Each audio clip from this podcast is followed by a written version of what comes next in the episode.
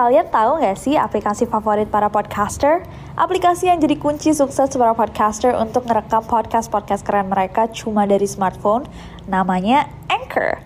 Anchor ini kalau aku bisa bilang adalah all-in-one app yang simple banget.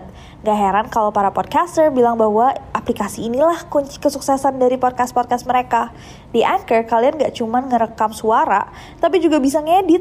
Mulai dari rekaman, isi lagu, efek, dan lain-lain. Yang paling aku suka adalah karena Anchor ini super fungsional. Aku bisa langsung upload podcast aku ke Spotify atau platform lain langsung dari Anchor. Kalian bisa download Anchor di smartphone kalian langsung dari App Store, Play Store, atau dari web mereka www.anchor.fm. Trust me, Anchor is your best friend to create stunning podcasts. And you know what? It's totally free. Hey guys, it's Nancy.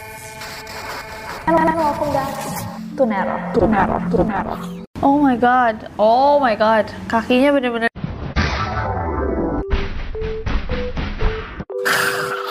Hey guys, it's Nessie and welcome back to Neror. Hari ini kita punya topik yang sangat gila dan sempat menggemparkan Panama dan dunia di tahun 2014. Ini adalah kasus hilangnya The Panama Girls. Dua orang wanita muda asal Belanda bernama Chris and Lizanne pergi mendaki gunung ketika mereka berlibur ke Panama. Dan puff, mereka hilang seakan ditelan bumi.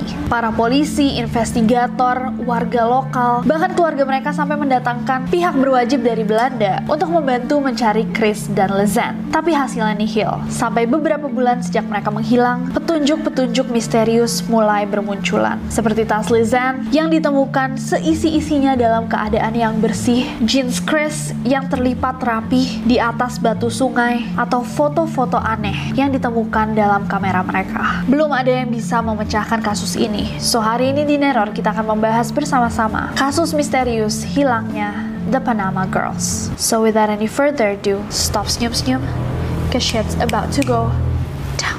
You wanna stay? Lama?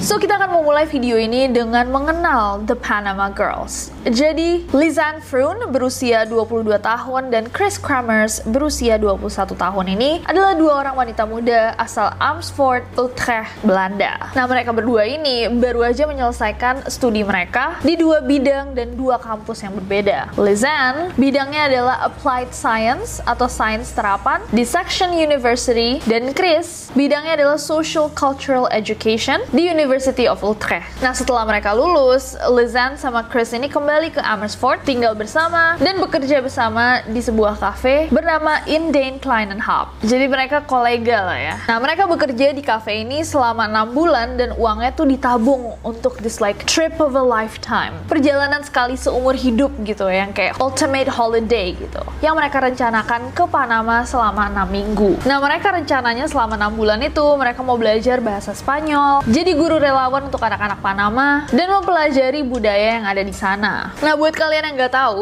jadi Panama ini adalah negara yang terletak di Tenggara Amerika Tengah. Sebelah utaranya perbatasan Laut Karibia dan selatannya tuh berbatasan sama Samudra Pasifik. Di timurnya Kolombia dan baratnya tuh Costa Rica. Panama ini bahkan disebut sebagai negara transit karena dia posisinya di tengah-tengah dan di antara dua samudra, Samudra Atlantik sama Samudra Pasifik. Tapi Panama ini nggak besar, bahkan dia sebenarnya populasinya paling dikit ya di Amerika Tengah. Nah, karena lokasinya juga di tengah, dia tuh jadi tempat banyak orang liburan. Baik juga turis yang akhirnya mau mencoba untuk berbakti sosial lah di Panama kayak si Lezan sama Chris ini. Tapi sayangnya rencana mereka untuk belajar bahasa Spanyol, ngajarin anak-anak itu tidak bisa terrealisasikan karena sebelum mereka bisa melakukan any of these plans, rencana-rencana ini mereka berdua menghilang tanpa jejak saat sedang hiking di Vulkan Baru, Panama. Dan ini adalah kronologinya.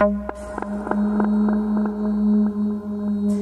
Pada 15 Maret tahun 2014, yang berarti 7 tahun yang lalu, roughly, Lizanne sama Chris berangkat nih diantar sama keluarga mereka lewat Schiphol, Amsterdam, terbang ke Costa Rica. Dari Costa Rica, mereka harus lanjut lagi ke Bocas del Toro di Panama, lanjut lagi menyeberang dengan kapal ke Isla Colong. Di sana, mereka menghabiskan dua minggu pertama untuk belajar bahasa Spanyol, menjelajah hutan-hutan Panama yang bagus, berenang dengan lumba-lumba, snorkeling, mengambil kelas memasak, bersenang-senang di pantai, away and making new friends. Bertemu sama teman-teman baru. Pada hari Sabtu sore tanggal 29 Maret, Lizanne sama Chris tiba dengan shuttle bus di Bocat. Mereka juga langsung mengecek apakah ada sekolah bahasa Spanyol yang terdekat dari tempat mereka tinggal. Nah, kayak tadi aku bilang, salah satu goals mereka di Panama adalah untuk mengajar anak-anak locals. Nah, rencananya mereka akan mulai mengajar itu pada Selasa 1 April tahun 2014. Tapi pihak sekolah bilang, eh jangan, jangan Selasa, mendingan Senin depan aja. Karena kita nggak bisa nampung volunteer nih minggu ini, gitu. Nah, mendengar kabar itu, mereka cukup kecewa. Padahal cuma dimundurin beberapa hari aja sebenarnya kan. But I get it,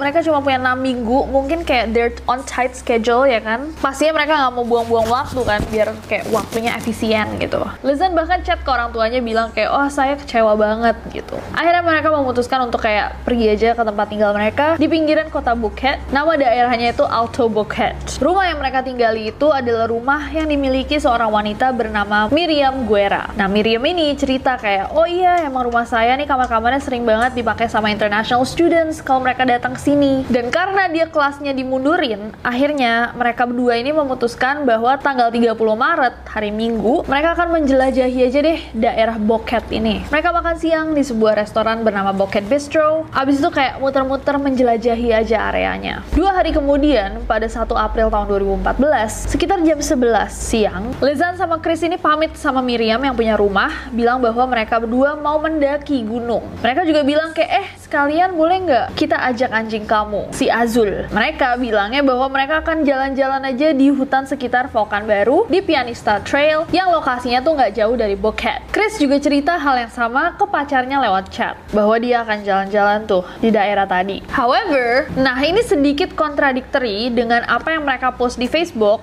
di mana mereka bilang bahwa hari itu mereka cuma akan jalan-jalan aja di kota Bocat, nggak hiking karena besokannya mereka akan hiking. Dan perjalanan hiking the next day itu mulainya jam 8 pagi. Nah yang aneh adalah hari itu tiba-tiba mereka ini tidak pulang. Ketika matahari terbenam, udah mulai malam, Miriam yang punya rumah cemas banget kayak, loh ini dua anak dengan anjing saya kenapa nggak balik? Tapi dia juga mikir, oh mungkin Lizan sama Chris ini lagi hangout dan having fun aja di kota Bukit, membawa anjingnya dia. So dia mencoba untuk positive thinking nih guys at this point. Sampai tiba-tiba si anjing, wuf wuf, balik sendirian. Miriam langsung panik dan tahu kayak wah ini ada sesuatu yang gak beres. Mulailah Miriam mencoba mencari nih si Chris sama Lizan ke mana. Dia cari di area dekat rumahnya Alto Bukit sama sekali nggak ada. Nah besok paginya tanggal 2 April tahun 2014 si tour guide yang diceritain di Facebook bahwa mestinya hari itu mereka berdua di schedulein hiking bersama seorang tour guide itu telepon ke Miriam. Dia bilang kayak hey kok nggak ada kabar ya dari dua cewek ini mestinya saya hari ini mengantar mereka hiking. Nah Miriam jadi tambah bingung karena dia pikir keduanya tuh mungkin setelah dia tadi malamnya nyari, itu udah pulang, abis itu ganti. Yo fui la persona que por un evento que teníamos pendiente de hacer eh, el día miércoles a las 8 de la mañana les fui a buscar, no las encontré y ya al darnos cuenta que no habían dormido en su casa donde habitualmente estaban con la familia, Este, al día siguiente ya cuando se cumplían las horas que estipula la ley para poner denuncia fuimos. Nah si tour guide mencoba untuk membantu Miriam untuk mencari dua cewek ini sampai dia menghubungi sekolah Spanyol yang didatangi oleh Chris sama Lizan. Tapi sekolah Spanyolnya juga bingung, hah nggak ada kok mereka nggak ke sini. Pihak sekolah lalu menghubungi orang tuanya Lizan, namun pencarian mereka baru bisa dimulai besok paginya. Nah pada 3 April tahun 2014, sejumlah pihak kepolisian dan beberapa warga sekitar itu melakukan penelusuran sekitar pianis Vista Trail, tapi Lizan sama Chris masih aja belum bisa ditemukan. Tiga hari kemudian, pada 6 April tahun 2014, keluarganya Lizan sama Chris akhirnya datang. Mereka juga membawa polisi, anjing pelacak, dan detektif dari Belanda ke Panama. Setelah 10 hari pencarian dan banyak sekali effort yang dikerahkan, masih aja Lizan sama Chris ini nggak bisa ditemuin. Kedua orang tuanya Lizan sama Chris bahkan sampai menawarkan hadiah sebesar 30 ribu dolar untuk siapa pun yang bisa menemukan anak mereka. 450 juta tuh ya. Tapi tetap aja nggak ada yang bisa nemuin mereka. Fush! Seakan mereka hilang aja ditelan bumi. Semua effort dan tenaga yang dikerahkan sama sekali nggak bisa menemukan dua cewek ini. Sampai 10 minggu kemudian, ketika seorang wanita lokal datang ke kantor polisi Phuket dan melaporkan bahwa dirinya itu menemukan sebuah ransel misterius berwarna biru. The backpack is later identified as Lizanne's backpack. Jadi ini adalah tasnya Lizanne. Dan si wanita ini menemukan tas itu di sawah di tepi sungai desa Alto Romero di wilayah Boco del Toros. Anehnya, lokasi itu berjarak 5 mil dari Pianista Trail, lokasi di mana Lizanne sama Chris terakhir kali terlihat. Dan lebih dari 10 mil atau sekitar 16 km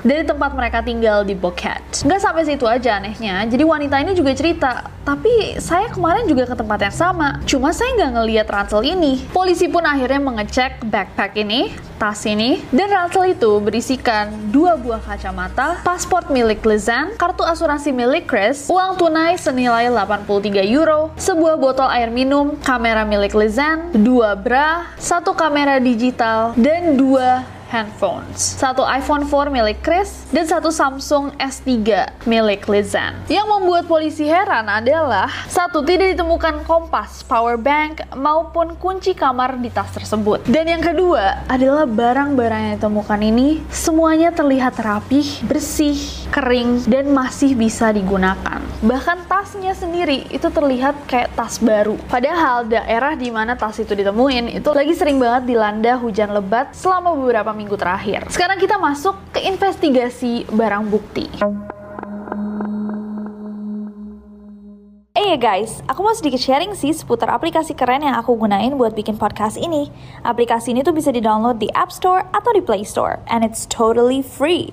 Gak cuma buat ngerekam aja, Anchor juga bisa buat ngedit langsung rekaman kalian.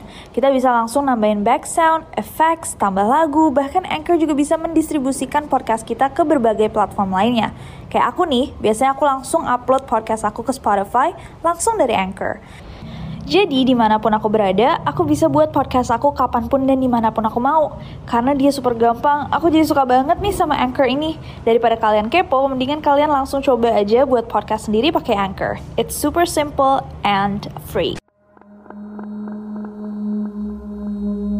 Nah setelah tasnya Lizanne ini dibongkar sama polisi dan polisi bingung-bingung kenapa semuanya kelihatan masih baru. Padahal tas ini berserta pemiliknya sudah hilang selama 10 minggu. Polisi langsung mencoba untuk mengecek riwayat panggilan di dua handphone yang ada di tas itu dan mendownload semua foto yang ada di dalam HP-nya dan juga di dua kamera yang ada di tas itu. Pasti kalian mikir kayak, oh ini titik terangnya. Mereka akan menemukan apa yang terjadi sama kedua anak ini. But that is when you're wrong. Karena bukannya mereka menemukan petunjuk. Polisi justru malah tambah bingung bingung dan bertanya-tanya setelah melihat riwayat panggilan dan foto-foto yang ada. Jadi kalau kalian lihat di list ini, Lizan dan Chris ini terus-terusan mencoba menghubungi polisi sejak 1 April, hari di mana mereka pergi mendaki, hingga 11 April. Berarti 10 hari mereka mencoba untuk menelpon polisi dan mencari bantuan, tapi hanya satu kali mereka berhasil nyambung dan itu cuma satu detik doang. Nah emang of course kalau dia di tengah hutan, sinyalnya nggak akan bagus. Tapi berarti selama mereka dicari itu mereka masih masih hidup dan mencoba untuk meminta bantuan, tapi nggak ada yang tahu mereka di mana. Oh.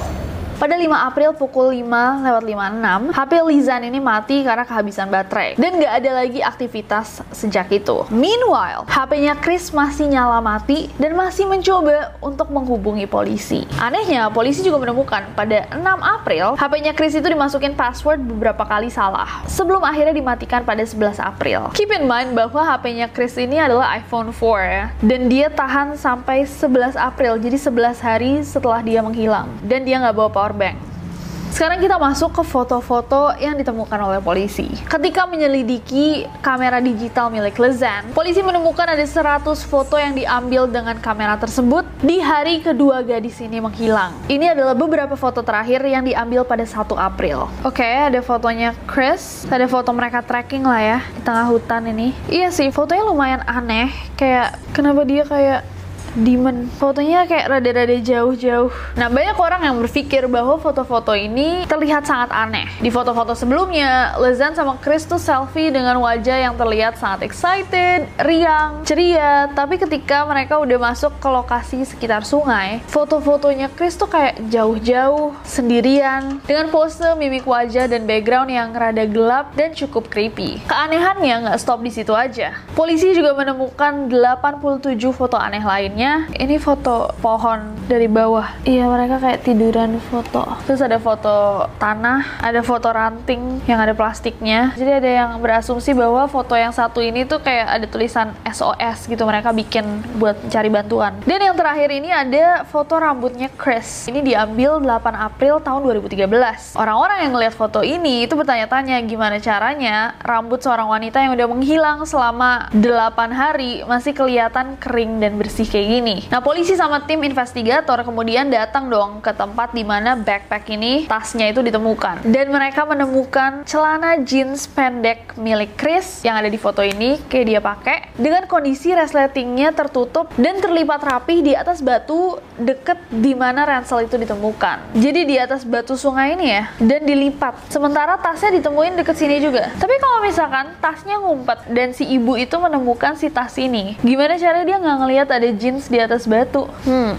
Nah dari situ polisi mikirnya kayak oh ini berarti ada clues nih mereka melanjutkan pencarian tapi tetap aja mereka nggak bisa menemukan Lezan sama Chris sampai sekitar dua bulan setelah ransel itu pertama ditemuin polisi menemukan tulang panggul manusia dan sepatu boot sebelah kiri yang ketika dilihat ternyata di dalamnya masih ada kakinya dan kaki ini udah dalam kondisi mulai membusuk jadi kayak ada orang pakai boots yang bener-bener kayak dipotong gitu Nah anehnya, sepatu boots ini ditemukan di lokasi yang sangat tersembunyi yang kalau nggak benar-benar dicari itu nggak mungkin ketemu atau kelihatan. Gak lama setelah itu polisi menemukan lebih dari 30 tulang manusia yang tersebar di daerah yang sama. Dari hasil tes DNA, polisi mengidentifikasi bahwa tulang panggul yang ditemukan itu cocok dengan DNA-nya Chris dan potongan kaki kiri yang ditemukan di dalam boots itu adalah kakinya Lezan. Dan di antara tulang-tulang yang berserakan yang ditemukan, polisi juga menemukan sisa-sisa tulang dari tiga orang lainnya yang tidak dikenal. Menurut para antropolog yang menangani kasus ini, tulang-tulangnya Lezan ini terlihat seperti membusuk secara alamiah karena ditemukan sejumlah kayak sisa-sisa daging yang masih menempel pada tulang-tulang tersebut, tapi di sisi lain, mereka menyimpulkan bahwa sisa tulang belulang milik Chris itu sudah mengalami pemutihan atau bahkan diputihkan oleh seseorang yang berarti kemungkinan Chris ini meninggal jauh lebih dulu dibanding Lizanne. Tapi yang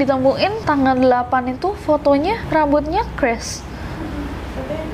Udah mati. Oh my goodness. Yikes. Oh my god, oh my god. Karena polisi, tim investigator, dan antropolog hanya bisa menyelidiki dari bagian-bagian kecil yang tersisa. Mereka kesulitan untuk mencari penyebab pasti dari kematiannya Lezan dan Chris. Akhirnya tim forensik Belanda menyatakan bahwa kedua gadis ini meninggal karena kecelakaan, sementara tim forensik Panama menyatakan adanya kemungkinan tindakan kriminal pembunuhan yang terjadi sehingga menewaskan Lezan dan Chris. Tapi karena belum ada kepastian tentang apa yang sebenarnya terjadi sama sama Lizanne sama Chris, muncullah banyak teori-teori dari publik. Dan ini adalah beberapa teori yang paling besar yang menyelimuti kematian The Panama Girls, Lizanne dan Chris. Pertama ini sejalan dengan kesimpulan yang dibuat oleh pihak kepolisian Belanda bahwa mereka berdua ini meninggal karena kecelakaan hiking, tersesat, atau terluka. Ada beberapa kemungkinan yang menjadi penyebab kecelakaan tersebut. Yang pertama adalah mungkin aja mereka terluka, terus mereka nggak punya makanan, mereka nggak tahu cara bikin makanan atau cari makanan in the wild, akhirnya mereka kelaparan dan mati. Yang kedua mungkin mereka berdua ini tersesat, terus nggak ada sinyal, mereka juga nggak tahu gimana caranya minta bantuan, dan akhirnya mereka meninggal dunia. Yang ketiga mungkin Chris terjatuh ke jurang dan mengalami luka yang sangat parah hingga dia sekarat atau bahkan meninggal dunia. Dan Lizan pun mencoba mencari bantuan, tapi dia juga mengalami kecelakaan hingga kakinya patah. Dia pun mencoba untuk mencari bantuan polisi, nelfon-nelfon polisi. Ketika HP-nya mati, dia mencoba untuk pakai HP-nya Chris, tapi dia nggak tahu passwordnya. Mungkin aja. Jadi ada seseorang nih nggak tahu Lezan atau Chris atau something else yang terus-terusan nyalain HP-nya Chris, masukin password salah, dimatiin. Nyalain HP-nya Chris, salah password, dimatiin lagi gitu sampai tanggal 11 di mana HP-nya bener-bener dimatiin for good. Atau mungkin aja binatang buas nggak sih di tengah hutan? Mungkin mereka tersesat terus kayak mereka lihat hyena atau beruang. Nggak kalau beruang kayaknya nggak akan makan daging secepat itu deh. Ini kayak kucing, kayak big cats. Tapi kalau misalnya binatang, begitu diotopsi mereka pasti tahu, ya kan? Karena gigitannya atau Hmm. Teori yang kedua adalah pembunuhan berencana. Sejalan dengan kesimpulan yang dibuat oleh polisi Panama, mungkin aja ada foul play di balik kematiannya Chris sama Lizan. Nah, teori ini didukung oleh beberapa fakta nih yang cukup aneh. Dengan ceritanya Lizan sama Chris di Facebook yang berbeda sama cerita yang mereka berikan kepada Miriam yang punya rumah dan pacarnya Chris. Yang kedua, ada beberapa sumber yang mengatakan bahwa potongan kakinya Lizan itu nggak kelihatan seperti kecelakaan, melainkan kayak sengaja dipotong karena itu kayak clean cut rapi gitu loh potongannya bener-bener di atas bootsnya. Yang ketiga, di hari Lizan sama Chris ini menghilang, ada saksi anonim yang bilang ke polisi bahwa dia melihat si Lizan sama Chris ini brunch kayak makan pagi slash siang bersama dua pemuda lainnya sebelum mereka bersama-sama memulai pendakian. Selain itu, polisi juga sempat menginterogasi seorang supir taksi yang mengantarkan Lizan sama Chris itu ke jalur pendakiannya dan si supir taksi ini bilang bahwa kedua gadis itu keluar dari dari taksinya itu jam 1.30 siang.